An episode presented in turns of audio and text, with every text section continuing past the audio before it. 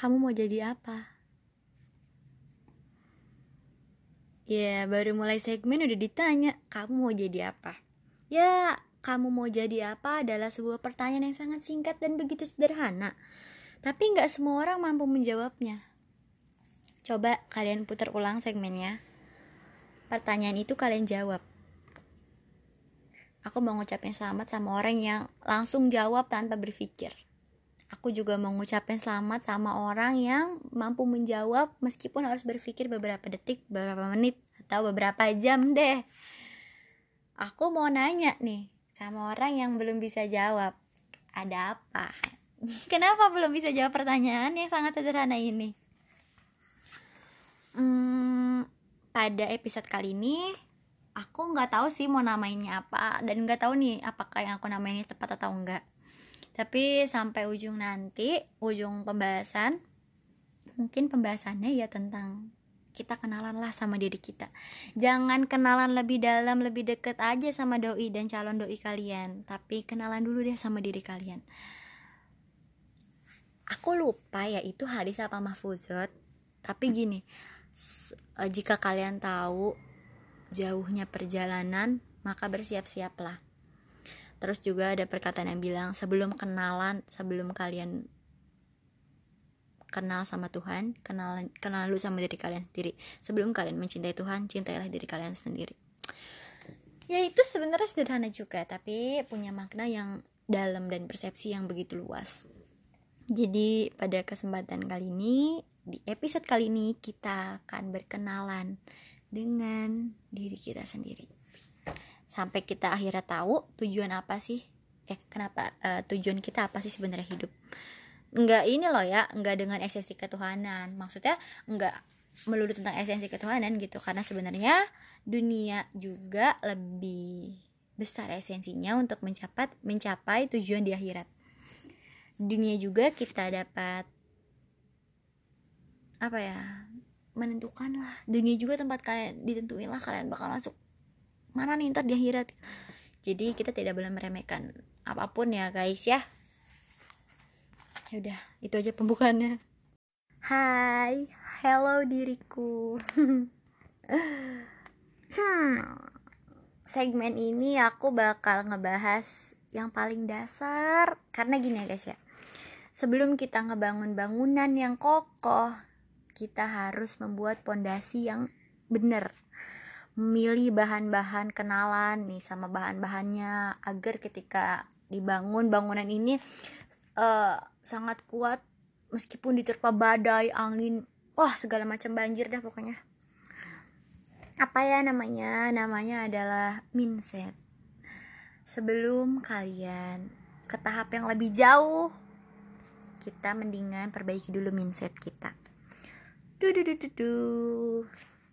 Keren banget gak bisa duh duh ya udah udah lewatin. Sorry sorry sorry sorry, sorry.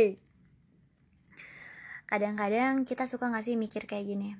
Kok dia bisa kita ketika kita ngeliat pengusaha muda yang berumur 15 tahun kok dia bisa?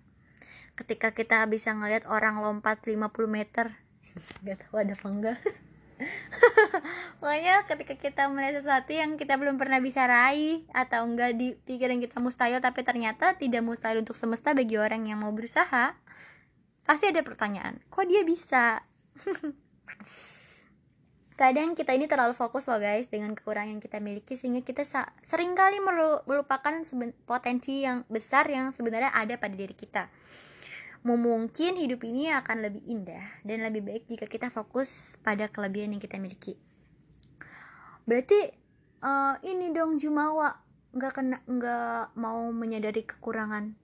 Dengerin dulu Marpu ah belum selesai gue ngomong. Uh, orang Nih guys, perhatikan sama kalimat berikut ini ya Yang mau aku contohin Saya saya pintar tetapi sayang, saya berasal dari keluarga yang kurang mampu. Nah, misalnya nih kayak sebenarnya suara dia tuh sebagai penyanyi nggak bagus-bagus amat cuma karena orang tua dia orang kaya dia dia punya privilege dia jadi lebih dapat panggung kayak gitu tuh contohnya sama aja tuh Tapi ada juga nih bandingkan dengan kalimat ini ya. Walaupun berasal dari keluarga yang kurang mampu, tetapi saya pintar. Coba deh kalian bandingin, kalimat mana yang lebih enak didengar? Ya pasti kalimat yang kedua. Guys, setiap manusia pasti punya kekurangan. Gak ada yang sempurna.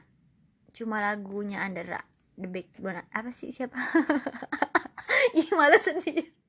Itu cuma lagu aja sama rokok tuh sempurna ketika Tuhan menciptakan kita, Tuhan menciptakan kita dengan bukan cuma ada kekurangannya aja, tetapi ada kelebihannya. Dan kelebihan kita itu diciptakan pada dasarnya untuk menutupi kekurangan yang kita miliki. Jadi sebenarnya sebagai manusia eh, orang-orang sukses itu adalah orang-orang yang mampu uh, sadar dan bersabar atas kekurangan yang mereka miliki namun mereka tidak terlalu dengan kekurang berlarut-larut dengan kekurangan yang mereka miliki. Tidak tidak berfokus dengan kekurangan yang mereka miliki tapi mereka lebih fokus dengan apa yang mereka bisa kembangkan apa yang mereka bisa rawat apa yang mereka bisa manfaatkan dari kelebihan yang mereka punya. Itu tuh yang dinamakan skill. Gimana orang-orang bisa punya skill? Ya mereka kenal sama diri mereka sendiri. Mereka ke, mereka menghargai apa sama yang Tuhan beri. Mereka menjaga dan mengembangkan apa yang Tuhan beri gitu. Kita bu kita memang punya kekurangan tapi fokuslah sama kelebihannya. Artinya jangan lu jangan berlalu-lalu sama kekurangan lu aja gitu. Bersyukur ngapa bersyukur gitulah ya intinya. Ini aku punya cerita. Cerita-cerita-cerita tentang seberapa keren mindset berpengaruh pada hidup seseorang. Lahir di Rosario, Argentina pada 24 Juli 1987. Seorang anak yang lahir dari ibu yang bekerja sebagai pembersih paruh waktu dan ayah yang bekerja di pabrik baja. Anak kecil ini memiliki hobi yang sama dengan anak seumurannya, yaitu bermain bola. Pada usia lima tahun, ia pertama kali memutuskan untuk memasuki klub sepak bola lokal di dekat tempat tinggalnya. Minatnya pada bola ini semakin berkembang, menjadi alasan ia untuk pindah ke klub yang lebih besar di kota kelahirannya Rosario. Saking kayak dia ber, ininya nih, uh, minatnya dalam banget, kuat gitu sama sepak bola. Dia nggak mau nih bergabung di lokal aja, dia pengen lah uh, bergabung juga di klub sepak bola kota gitu, tingkat kota, enjoy. Pada usia 11 tahun, anak ini didiagnosis mengalami kekurangan hormon pertumbuhan dan diharuskan menjalani terapi yang tentunya membutuhkan dana yang cukup besar. Meskipun dokter telah memberikan diagnosis, anak ini tetap bermain sepak bola dengan sungguh-sungguh. Dia punya udah didiagnosis punya kekurangan gitu loh. Bahkan sampai orang lain sendiri yang terus-terus mengulang itu. Tapi anak ini nggak nggak terpengaruh. Ia tetap bermain bola dengan sungguh-sungguh. Sampai pada akhirnya keahliannya bermain kulit bundar, sepak bola ini membuat ia dilirik oleh para pencari bakat di dunia ajang sepak bola. Bakat alami yang dimilikinya menjadi alasan kuat bagi salah satu direktur dari klub sepak bola besar di Eropa untuk uh, merekrutnya. Akhirnya sang direktur klub olahraga tersebut menawarkan untuk membiayai pengobatan terapi yang akan dilakukan si anak si anak ini mau dibiayain guys pengobatannya sampai terapinya sama direktur klub sepak bola karena uh, direktur ini ngelihat bakat yang dipunya anak ini bakatnya luar biasa masya allah tabarakallah amazing yeah. tapi syaratnya ia harus pindah ke Spanyol dan meninggalkan negara asalnya Argentina ya kalian pasti udah tahu dong siapa Yap, bener banget Lionel Messi atau Lionel Andres Messi. Jika dilihat dari posturnya, tinggi badannya hanya 169 cm. Perawakannya lebih kecil, tapi kita tidak akan mengira kalau dia akan menjelma sebagai seorang pesepak bola yang hebat. Kita nggak bakalan ngomong tentang prestasinya di lapangan hijau karena prestasinya itu banyak banget. Dah, banyak bedah pokoknya malah terbukti dari terpilihnya Messi sebagai salah satu pemain terbaik di dunia dan mampu membawa klubnya Barcelona menjadi salah satu klub terbaik sejagat pada usia yang masih sangat produktif bukan tidak mungkin dia akan mengukir namanya di dalam sepak sejarah sepak bola dunia. Menurut aku bagian yang paling menarik dan keren dari kisah hidup Messi ini bukan dari prestasinya yang udah dia raih.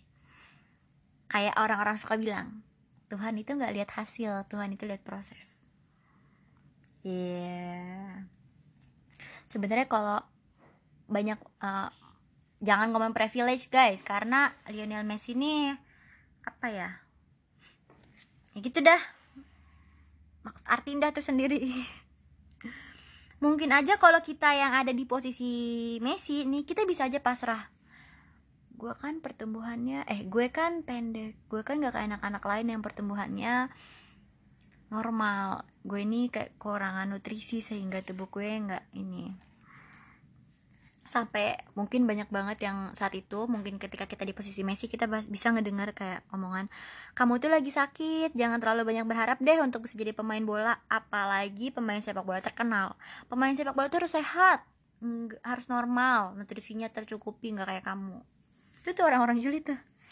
Terus pasti juga dia pernah ngedenger tuh omongan permain sepak bola itu posturnya harus lebih bagus kamu itu pendek dan kecil emang bisa bersaing Jangan mimpi terlalu tinggi deh.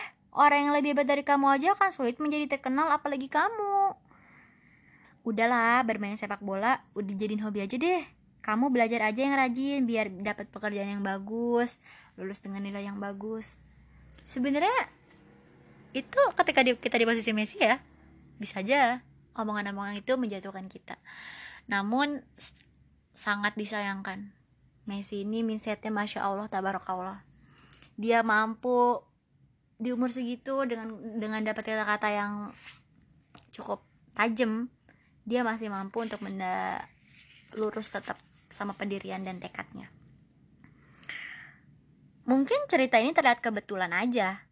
Kalau misalkan kalian bilang kebetulan aja Messi punya bakat. Gak ada di dunia ini yang kebetulan sayangku cintaku Kebetulan ketika seorang calon pemain hebat dipertemukan dengan pencari bakat yang sangat jeli melihat potensi kehebatan bermain yang dimiliki oleh pemain tersebut. Enggak.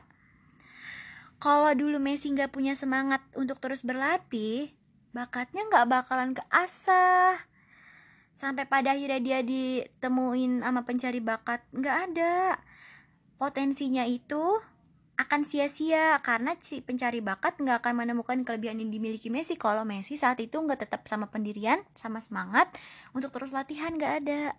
Makanya di dunia itu nggak ada yang instan. Eh salah. Di dunia ini tuh nggak ada yang kebetulan sayangku. Semua udah ditakdirkan. Kalau nah itu itu kalau kitanya ikut tetap ada aturan Tuhan. Eh apa sih? Tetap ada kebenaran nih gitu. Gue nggak jelas makin ke sini ya ampun kayak gitulah. Udah semakin daripada makin gak jelas. Tafsirin sendiri ya. Belajar untuk mengambil hikmah dari tiap langkah kehidupan yang kalian lewati. Bye